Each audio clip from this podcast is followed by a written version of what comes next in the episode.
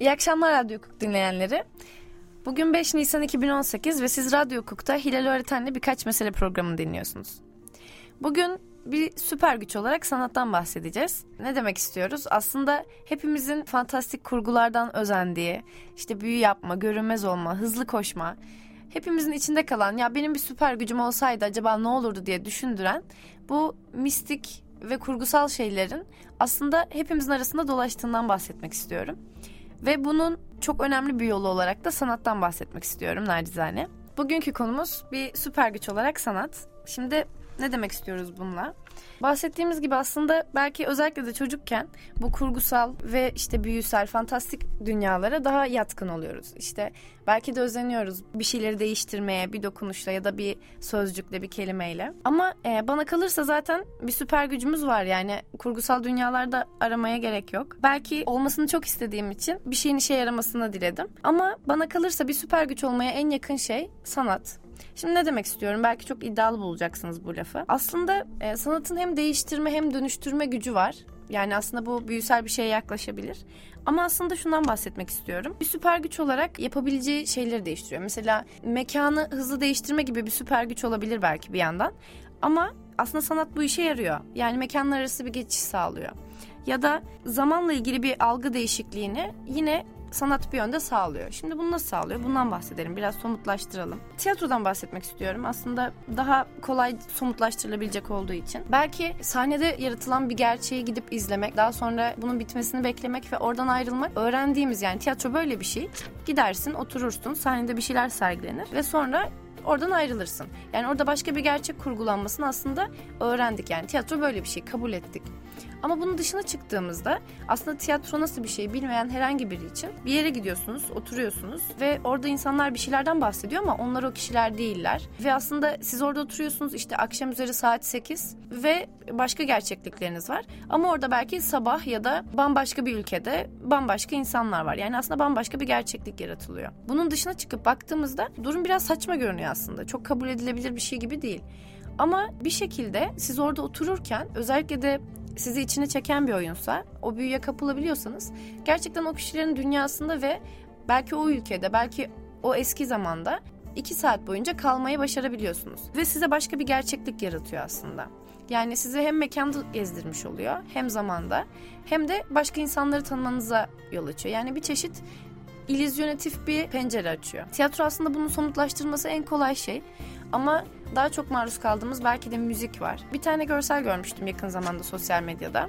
İşte metroda kulaklıklayken bir de değilken diye belki siz de rastlamışsınızdır. Aslında çok sıkıcı yerlerden geçiyoruz gün boyunca ama kulaklıkla yani aslında müzikle birçok şey daha çekilir kılınıyor. Çünkü neden?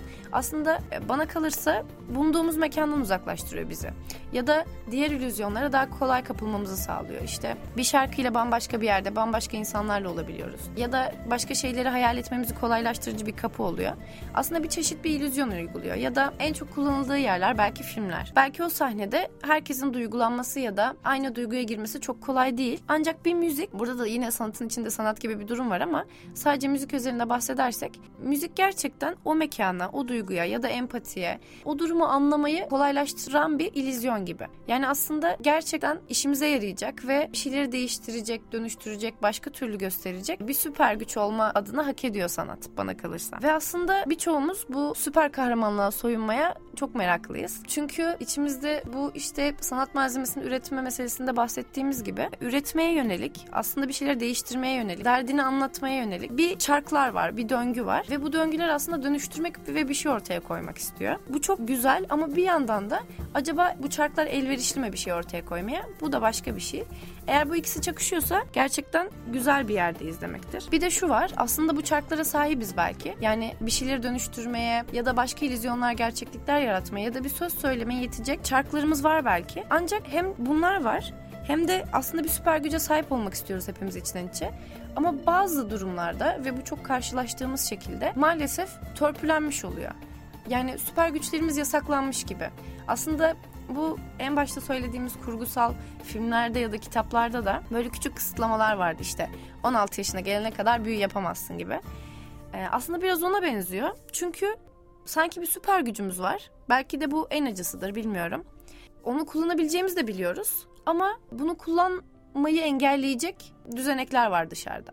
Ya da şartlar el vermiyor. Ama içeride bir şeyler var ve dönüştürmek istiyor. Ve buna sürekli ket vuruluyor. Aslında işin temelinde bana kalırsa şu var. Yani belki yine iddialı bir laf ama hayatta her şey bana kalırsa potansiyele dair. Yani bu umut dediğimiz şey yani yaşamayı sürdürmeyi devam ettiren şey bizi yaşamaktan alıkoymayan şey umut diyoruz hep. Aslında bunu biraz daha genellersek belki bir şeylerin olmasına dair planladığımız ya da hayal ettiğimiz gerçek bir şey yoksa bile yani meselemiz umut olmasa bile aslında e, hep içimizde taşıdığımız bir potansiyel inancı var. Bu potansiyel birçok şeye dair olabilir. Kendimize dair özellikle. Hayata dair, yaşayabileceklerimize dair, hayatımızdaki insanlara dair ve bu potansiyel dönüşü, dönüşme kabiliyetinden ötürü bizi hayatta tutuyor ve bir şeyleri sürdürmemizi sağlıyor aslında. Peki bu süper güç olarak sanata dönersek bu potansiyelleri nasıl bağlayabiliriz? Belki aramızda süper gücü olan arkadaşlar var ve aslında hep bunu yapmak istediğimle kalan cümleleri var. Ya da aslında ben bunu biraz becerebiliyordum ama ilerletemedim diyen arkadaşlarımız var. Ben şuna inanıyorum. Bana kalırsa aslında onların süper güçleri var ama maalesef bu bir şekilde sürekli ket vuruluyor. Ve içlerindeki bu çarklar yani aslında bir şeyler üretmeye yarayacak çarklar dönüştüremediği için, bir şey ortaya koyamadığı için, sürekli ket vurulduğu için bu gerçekleştirilemeyen potansiyel aslında onları rahatsız etmeye başlıyor. Yani ve bu ket vurulma bir süre sonra hayata dair olan potansiyelimizi de belirlediği için sürekli ket vurulma aslında hem bizi umutsuzluğa sürükleyebiliyor ya da körelmişlik hissini yaratıyor gibime geliyor. Aslında maalesef çevremde tanıdığım böyle yetenekli insanlar var. Ancak belki şartlar el vermediği için belki de bize gösterilen alanın çok dışına çıkamadığımız için bu yeteneklerini ya da süper güçlerini konuşturacak bir alan bulamıyorlar ve gerçekleştirilemeyen bu potansiyel onları aslında bir çeşit bunalıma sürüklüyor. Ve bir, yol, bir yerden sonra aslında bir yol seçmeleri gerekiyor. Korunaksız olan ve üretebilecekleri alana geçmek mi? Yoksa potansiyellerini yok sayıp aslında orada devinip duran, dönüştürmek isteyen çırpınan bir şeyi bastırmaya çalışmak mı diye. Şimdi aslında şeyden bahsettik önce. Bu aramızdaki yitip giden süper kahramanlardan ve onların gerçekleştiremedikleri potansiyellerinden. Belki sizin de aklınıza böyle birileri geliyordur. Belki sizin de içinizde böyle bir süper güç vardır dönüştüremediğiniz. Ya da belki şanslısınızdır. Gerçekten dönüştürüyorsunuzdur hali hazırda. Aslında bu süper güçlere varmak ya da onları keşfetmenin çok kolay olmadığından bahsetmek istiyorum. Çünkü eğer gerçekleştiremediysek ya da böyle birilerini tanıyorsanız etrafınızda onları suçlamak çok kolay değil aslında. Çünkü bunları keşfetmek için belki önce çocuk olmak gerekiyor. Erken yaşta tanışmak gerekiyor. Ancak hepimizin de bildiği üzere hepimizin en çok ulaşabildiği eğitim aslında bunlardan çokça arıtılmış bir eğitim. Yani belki haftada bir saat resim dersimiz, müzik dersimiz var ama onlarda da zaten biz matematik sorusu çözüyorduk. Bilmiyorum siz nasıl geçiriyordunuz. Herkese verilen bir eğitimin dışında başka türlüsü de mümkün. İşte belki bir dans kursuna gitmek, belki e, resim kursuna gitmek, tiyatro kursuna gitmek, belki de bir müzik aletiyle tanışmak da mümkün. Ancak bu daha çok bilinçli bir tercih gerektiriyor ve biz çocuk yaştayken pek bunu akıl edemiyoruz açıkçası. Ve aslında birçoğumuz elenmiş oluyoruz. Yani belki de içinde bu süper gücü olan birilerini bile tetikleyecek bir ortam yaratılmamış oluyor. Ve böylece belki kendi süper gücüyle çok geç tanışan insanlar oluyor. Ve bunu dönüştürememiş oluyorlar. Şimdi bu bilinçli tercihten bahsedeceğim. Aslında bir şekilde herkesin yaptığı şey bize daha güvenli geliyor. Zaten bu çok akla gelmez bir tespit değil. Ama bunun diğer tarafı da herkesin yürümediği yolun aslında tehlikeli görünmesi. Pek dışına çıkmak istemiyoruz. İçinde ne kadar bunalırsak bunalalım. Ve aslında bir şekilde herkes içine alan bu eğitim döngüsü ya da sistem ya da herkesin yaptığı şey bir şekilde çarkların dönmesini kolaylaştırıyor. Yani aslında siz okula giderek yine işte sistem eleştirisinden falan gitmek istemiyorum ama aslında durumu anlamak için e, bu güzel bir ilizyon ve kısaltma. İşte hepimiz okula gidiyoruz, bankacı oluyoruz, avukat oluyoruz, işte satış danışmanı oluyoruz vesaire. Ve aslında hepimizin aklındaki o onaylanan meslekler, işte doktor, mühendis Türkiye için konuşursak ya da belki girişimci. Aklımızdaki onaylanan mesleklere aslında bir adım daha yaklaşmış oluyoruz. Peki bir de şunu sormak lazım. O meslekler acaba neden onaylanıyor? Yani küçük bir çocuk belki ben sanatçı olmak istiyorum, şarkıcı olmak istiyorum, dansçı olmak istiyorum deyince ebeveynler neden korkuyor? Çünkü aslında bana kalırsa çocuklarının yitip gitmesinden korkuyorlar.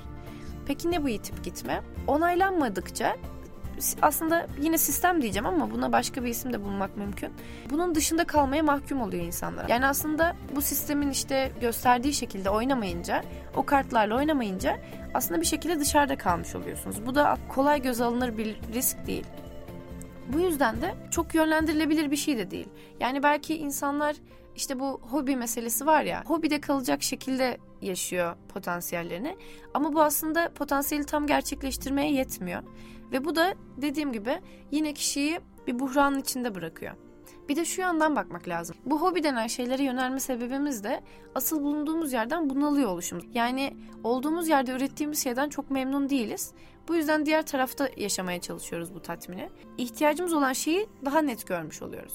Belki böyle ikili bir hayat yaşayanlarınız vardır. İşte gündüz okula gidip ya da işte işe gidip çıkışta size iyi gelecek bir şey yapan, işte tüketmekten bahsetmiyorum bu arada. İşte konsere gitmek ya da tiyatro izlemekten değil de bir araya gelip bir şey üretmekten, işte tiyatro kursuna gitmekten ya da bir müzik aleti öğrenmekten, belki yeni bir şey öğrenmekten bahsediyorum. Aslında sizde daha çok tatmin duygusu uyandıran bu şeyin içeride bir şeyleri dönüştürdüğünü fark etmek zor değil. Ama bir şekilde mecburiyetler ya da bir şekilde hayatta kalmak için bunun dışında kalmak ve bu hayatı minimalize tutmak durumunda kalıyoruz. Çünkü diğer türlü yaşamak daha kolay. Peki diğer türlü yaşamak niye daha kolay? Bana kalırsa aslında bu sistemin ya da neyse içinde yaşadığımız şey onun pek işine yaramadığı için.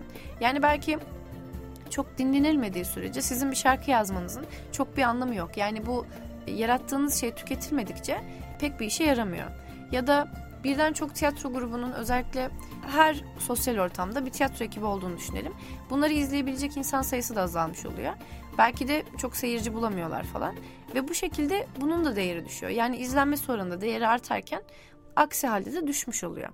E peki bu kimin işine yarıyor? Aslında belki orada sahnede olanların ya da işte o şarkıyı yaparken keyif alan birinin işine yarıyor ama bu genel olarak sisteme yarayan bir şey değil. Ya da ne oluyor? Bana kalırsa bu işler oldukça tutkulu işler ve kendinizi bunlardan alıkoymanız çok zor oluyor. Kaldı ki aslında hepimizin bir sürü mecburiyeti var. Uğraşmak zorunda olduğumuz şeyler var. Ona rağmen, bunca yorgunluğa rağmen aslında ne yapıp edip bir şekilde içimizdeki bu döngüleri çalıştıracak yerlere gitme eğilimindeyiz.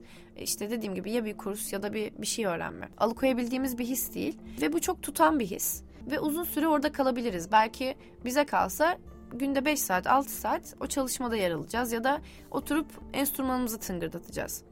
E peki ne olacak bizi orada tutan şey? E, bu sefer sistemin görülmesi gereken işleri var ve bunları yap- yapamamış olacağız ve bir şeyler aksayacak. Ve bu aksamayı önlemek için aslında zorunluluklar getiriliyor. Çünkü o tarafta aslında o kadar hevesli değiliz çalışmaya ya da var olmaya bir şey üretmeye. Ve bu yüzden bana kalırsa bizim tutkuyla çekildiğimiz yerler ve çarklarımızı aslında daha hızlı çalıştıran, potansiyelimizi gerçekleştirdiğimiz tatminine ulaştıran o yerler bir şekilde daha az tercih edilir hale getiriliyor. Yani aslında sistem o alanları daha az koruyor. Ki orada korunaklı hissetmeyin ve daha korunaklı hissettiğiniz ama daha iyi hissetmediğiniz yerlerde bulunmayı sürdürün gibi bir durum. Yani burada aslında distopik bir şey anlatmak istemiyorum. Ama bana kalırsa hepimizin bir yerlerde farkında olduğu bir döngü bu. Ve aslında bir şekilde de bizi körelten bir döngü. Tamam işte e, çarklarımız var, üretmek istiyoruz. Buna bir yatkınlığımız var ve hatta belki tutkuyla istediğimiz bir yer orası. Ama zorunluluklardan dolayı oraya yaklaşamıyoruz ancak hobi kısmında kalıyor. Peki bu uzun vadede neyi getiriyor? Aslında tutkuyla olmak istediğimiz yerden yerdeki halimiz körelmiş oluyor. Ve körelen bir şeye yani daha az yapabildiğimiz, daha az becerikli olduğumuz ya da daha az tecrübeli olduğumuz şeyi yapmaktan da uzaklaşıyoruz aslında. Çoğu sanatçının ya da karşılaştığımız başarılı diyebileceğimiz tırnak içinde söylüyorum kimselerin bunu aslında çocukluktan beri yaptığını çok sık duyarız. Çünkü aslında hem yatkınlıkların hem de yeteneklerin geliştirilmesi için uzun bir zaman gerekiyor ve onun içinde olmak gerekiyor. Ama hepimizin bildiği gibi aman kızım evladım işte dersini çalış, e, diğerini aksatma. Yani içeride kal. Aslında sistemin içinde kal ki diğer tarafta daha az korunaklı bir yere kaçma. Ya da işte daha daha korunaklı bir yerde ol. E bu sefer diğer tarafı tüketmiş ve köreltmiş oluyoruz. Bir süre çocuklarla çalışmam gerekmişti. Orada da öncesinde bir pedagog bize eğitim vermişti, kısa bir eğitim. Demişti ki yurt dışına çıktığınızı hayal edin. Aslında alıştığınız bütün düzen, çevre, sokaklar, dil, insanlar her şey size yabancı. Ve düşünün ki bir çocuk aslında dünyaya geliyor ve gördüğü herkes ona yabancı, konuşulan dil ona yabancı e, ve tadını aldığı, dokunduğu, kokladığı her şey onun için yeni. Yani bir şeylerin size yeni olması oldukça yabancılaştırıcı ve sürekli mücadele gerektiren bir süreç. Alışana kadar vakit kaybetmeniz gerekiyor. Ve içinde kalmak zor aslında. Bir süre sonra eğer çocuk yaşta yani aslında her şey yabancı olduğumuz ve her şeyi aslında öğrenmeye de açık olduğumuz bu yaşlarda eğer bu süper güçlerimize dokunacak şeylerle temas etmediysek bir müzik aletiyle ya da sahneyle e, ya da bir resim tuvaliyle rastlaşmadıysak bu şey aslında körelmeye başlıyor. Çünkü biz onu beslemedik ve köreldikçe onu daha az yapabilir hale geliyoruz ve bu aslında uzaklaşmayı perçinliyor bir şekilde. Ve böylece aslında belki hepimiz içinde süper kahraman tişörtüyle gezen gazeteciler, bankacılar, avukatlar, doktorlar, öğretmenler oluyoruz. Ama içimizdeki potansiyel aslında sürekli bir yerlerden dürtüyor. Beni gerçekleştir diye. Belki de biraz bunun üzerine düşünmek gerekiyor. Aramızdaki süper kahramanlardan bahsediyorduk. Ve onların aslında yitip gitmelerinden ve bu döngüyü başlatan şeylerden. Biraz daha yukarıdan bakmak lazım. Şimdi hepimiz neye dönüştük? Nasıl dönüştük? Bu nasıl başladı? Biraz bundan konuşalım. Öncelikle işte bu potansiyelimizi gerçekleştirecek ya da o potansiyeli uyandıracak şeylerle çok rastlaşamıyor olduğumuzdan bahsettik. Yani aslında bize bir tepsi içinde sunulan, hazırda sunulan şey aslında bizi çok uyandıracak ya da keşfimizi sağlayacak bir şey değil. Bunun için ya bilinçli bir yönlendirme gerekiyor ya da kişisel bir çaba ve bu aslında çok azımıza rastlıyor ve böylece belki farkına varmadan uzaklaşmış oluyoruz asıl yapabileceklerimizden. Bu kadarı tamam. Peki kime dönüşüyoruz? Yani aslında kim oluyoruz en sonunda? Belki de geç de olsa fark ettik içimizdeki bu döngüyü ya da potansiyeli dönüştürebileceğimiz gücümüzü yani süper gücümüzü fark ettik ama bu sefer de önümüze başka engeller çıkıyor. Şimdi nedir bu engeller? En başta söylediğimiz gibi önce dersini çalış. Yani önce aslında sistemin gerekliliklerini yerine getir. Önce ona uyum sağla, önce onun içinde hayatta kal. Bu yüzden yeteneklerini geliştir. İşte aslında hem enerjimizi yönelttiğimiz şeyle ilgili oluyor.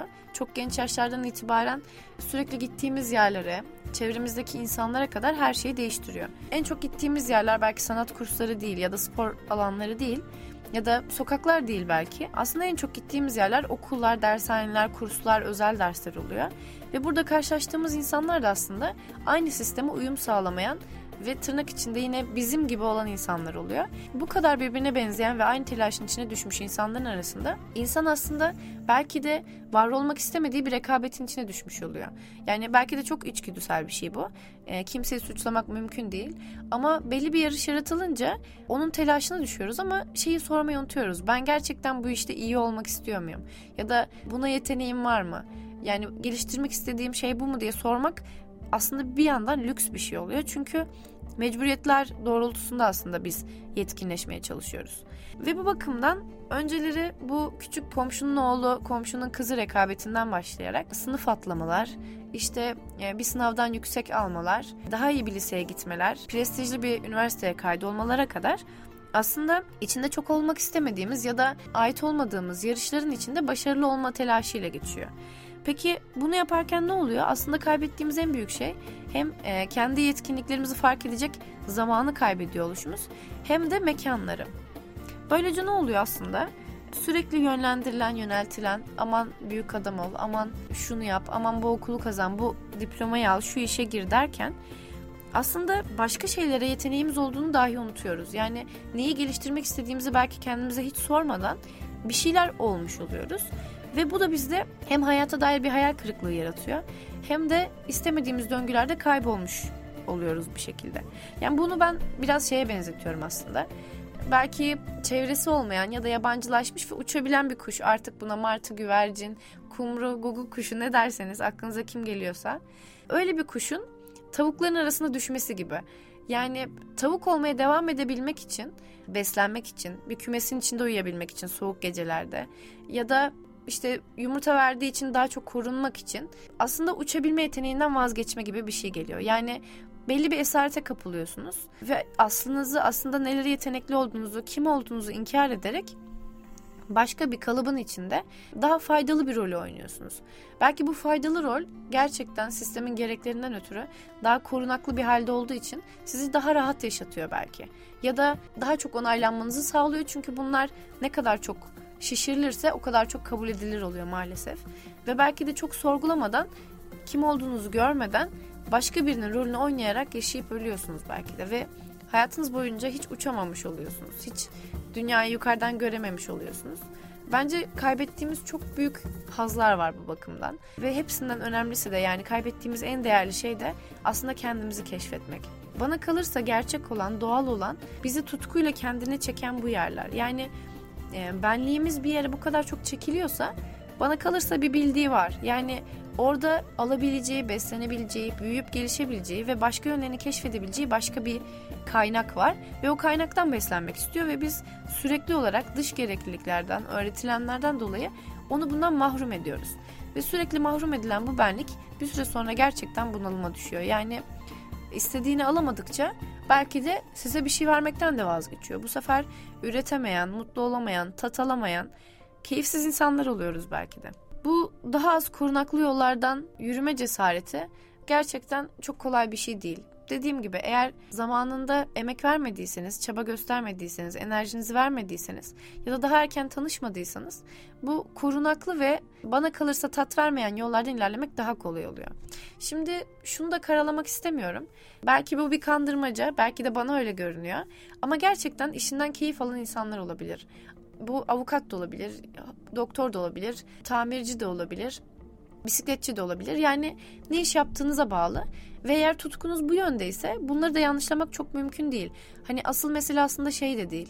Sanat yapın, işte sadece spor yapın ya da sadece şunu yapın da değil.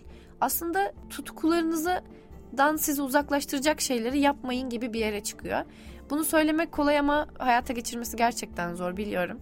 Ben de aslında aynı döngünün içindeyim ama belki de yapmak istediklerimize tutunmak bunu güçlendirecek. E, bu bakımdan daha az korunaklı yollara gitmek ne kadar zor olsa da belki de o yollardan yürümeyi arttırmak bile kendimizi keşfetmemiz için daha avunulur bir hayat sunabilir bize.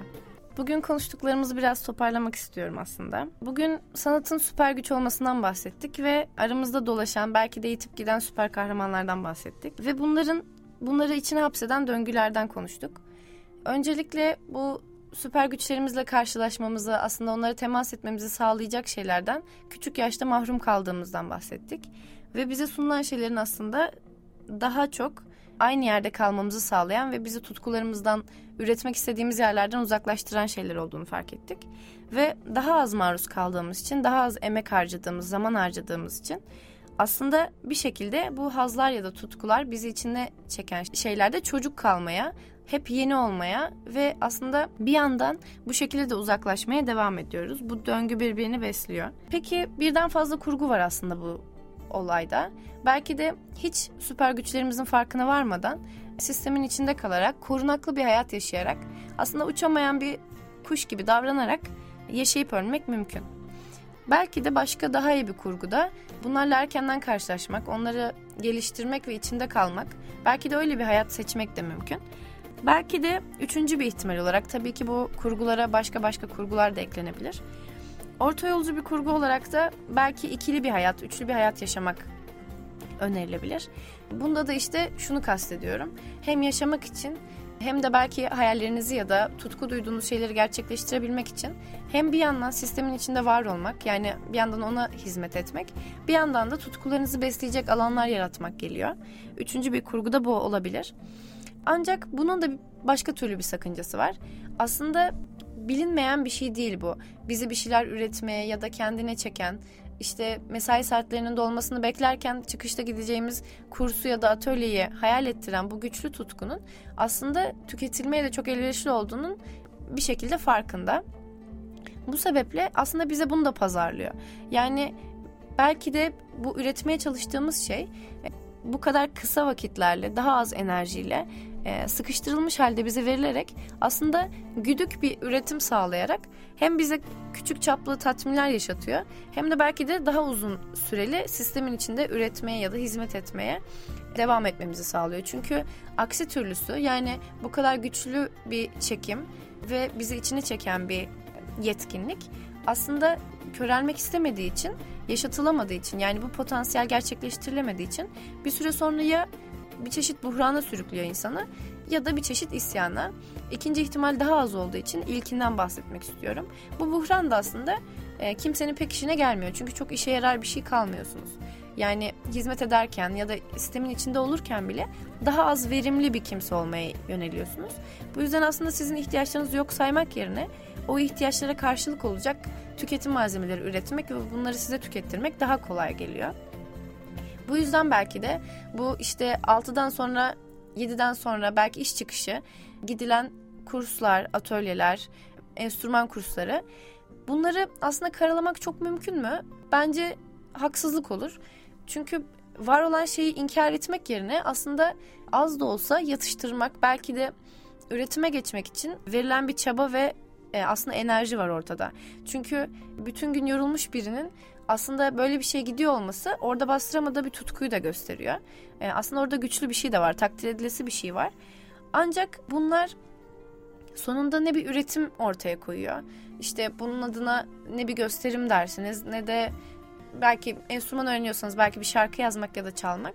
Aslında çoğu yani birçok kurs sonucunda pek bir şey ortaya koymuyor. Yani aslında orada sadece bir şeyleri yatıştırıyormuşuz gibime geliyor. Çünkü programların içeriklerinden de aslında anlaşılan o. Bir şey ortaya koymak, bir yönümüzü keşfetmekten ve onu geliştirip bir şey ortaya koymaktan ziyade uzun zaman sadece oyalanmamızı sağlıyor. Ve bu aslında olmak istediğimiz kişiye de pek yaklaştırmıyor bizi. Yani belki iş çıkışı gittiğiniz e, oyunculuk kursları sahnede görünmenizi sağlıyor ama e, aslında o alanda neler yapabileceğinizi, sınırlarınızı çok görmenize izin vermiyor. Çünkü o şey daha çok emek istiyor, daha çok zaman istiyor, daha çok adanmışlık istiyor. Bu bakımdan aslında böyle güdük şeylerle kendimize küçük alanlar yaratıp aslında kendi hazzımızı bizi yetiştirecek, büyütecek olan ve bir şeyleri dönüştürmemize aslında izin verecek olan süper güçlerimizi bir şekilde köreltmiş ve küçük çaplarda yaşamayı öğrenmiş hale geliyoruz. Bu bakımdan aslında bu ihtiyacımız dahi tüketilebilir bir şey haline geliyor ve e, bizim süper gücümüz değil de hobimiz oluyor. İşimiz ya da hayatımız değil de eğlendiğimiz ya da vakit geçirdiğimiz, sosyalleştiğimiz küçük alanlarda kalıyor. Ve bu aslında gerçekten bizi kim olduğumuzu ararken aslında ne kadar tatmin ediyor? Bunların hepsi bambaşka sorular. Evet sanatın süper güç olmasından bahsediyorduk. Konuştuğumuz gibi aslında belli döngülere hapsolmuş halde süper güçlerimize kulağımızı tıkayarak yaşayıp ölmeye daha yatkın oluyoruz herkes gibi. E, bu güvenli yoldan yürürken aslında benliğimizin bir tarafını ve onun isteklerini yok sayarak yaşıyoruz. Ve bu bir çeşit e, bunalım yaşatıyor bize ya da ait olmama, kendini gerçekleştirememe hissi. Bunu da aslında ufak tefek bize sunulan fırsatlarla ya da pazarlanan avuntularla yatıştırmaya çalışıyoruz. Gerçekleştirmeye yatkın olduğunuz bu potansiyeliniz ya da yeteneğiniz ya da süper gücünüz aslında biraz yatıştırılmış oluyor ama yine de e, potansiyelini gerçekleştirmediği için tam anlamıyla sizi besleyecek bir kaynak olmaktan hep uzakta kalıyor. Bana kalırsa bu hayatta gerçekten e, hemen her şey potansiyele dair. Hem kendinize dair hem yaşantınıza dair. Belki bir insan hayatımızda tutmamızdaki en büyük etken de bu. Onunla ilgili yaşayacağımız e, ya da birlikte yaşayabileceğimiz şeylere dair inancımız aslında yine de potansiyel oluyor. Ya da belki yeteneklerimize karşı içimizdeki bu gerçekleştirmeyi bekleyen süper gücün neler yapabileceğini görmeye dair bir inanç bu. Ve bu potansiyelleri sürekli minimumda tutup avuntularla yatıştırmak bizi aslında iyileştirici olmaktan uzaklaştırıp yine aynı döngülere hapsolmaya itiyor. Belki senelerce birden fazla kursa gidiyoruz ya da başka şeyler öğrenmeye çalışıyoruz. Ama bunun sonucunda her seferinde bunu da sonuca ulaştıramamanın, aslında o potansiyeli de gerçekleştirememenin hüsranını yaşıyoruz bu seferde. Belki radikal yollar seçmek çok kolay değil ve bu korunaklı yoldan çıkmak çok kolay değil. Ama eğer uçabilecek kanatlarımız varsa tavuk rolü yapmak da çok sıkıcı. Bence yapabileceğimiz en iyi şey önce fark etmeye çalışmak kendi süper gücümüzü ve belki onu yatıştırmak yerine daha çok zaman harcayarak Yani belki sistemin içinde kalmaya mecbursak olduğundan ya da vermeye çalıştığımızdan ya da belki bu kısıtlı hallerle haftada iki gün ikişer saatle tutulmasından öteye geçirerek onu bizi besleyecek bir kaynağa dönüştürmeye çabalamaktan geçiyor. Belki bulduğumuz hiçbir çözüm yeterli olmayacak. Belki o tutku sizi daha çok içine çekecek. Ancak en kötüsü olan bu süper gücünüzü hiç fark etmeden onu hep yok sayarak yaşayacağımız bir hayattan daha kötü olamaz diye düşünüyorum. Hepimize aslında o cübbelerin, önlüklerin, üniformaların altındaki o süper kahraman tişörtlerini böyle ara ara giyinip aynanın karşısına geçmeye ihtiyacımız var bana kalırsa. Benliğimizi ve ihtiyaçlarımızı özellikle de süper güçlerimizi yok saymayalım derim. Ve e, bir sonraki haftada görüşmek üzere diyorum. Kendinize çok iyi bakın. Haftaya Perşembe tekrar burada olacağız. Hoşçakalın.